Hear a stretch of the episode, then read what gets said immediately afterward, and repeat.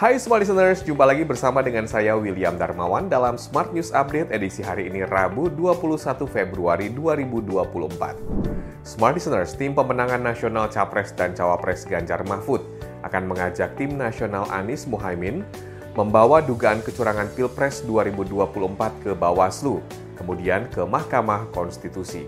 Juru bicara Ganjar Mahfud, Ciko Hakim mengatakan indikasi kecurangan di Pilpres 2024 cukup banyak. Tim Hukum Nasional Timnas Amin juga membuka opsi kerjasama dengan TPN Ganjar Mahfud menggugat kecurangan Pilpres 2024.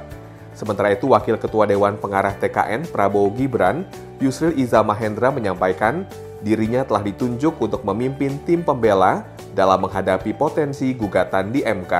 Berita selanjutnya, Menteri Keuangan Sri Mulyani Indrawati mengatakan bahwa dampak resesi yang dialami Jepang dan Inggris menjadi tantangan bagi lingkungan global termasuk Indonesia. Sri Mulyani menjelaskan beberapa lembaga pada tahun ini telah memproyeksikan kinerja perekonomian negara-negara maju yang akan cukup tertekan.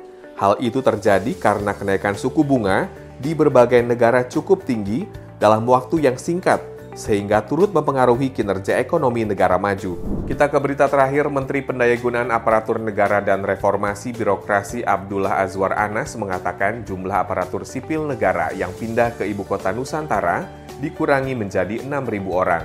Sebab pemindahan ASN disesuaikan dengan jumlah tempat yang sudah rampung dibangun.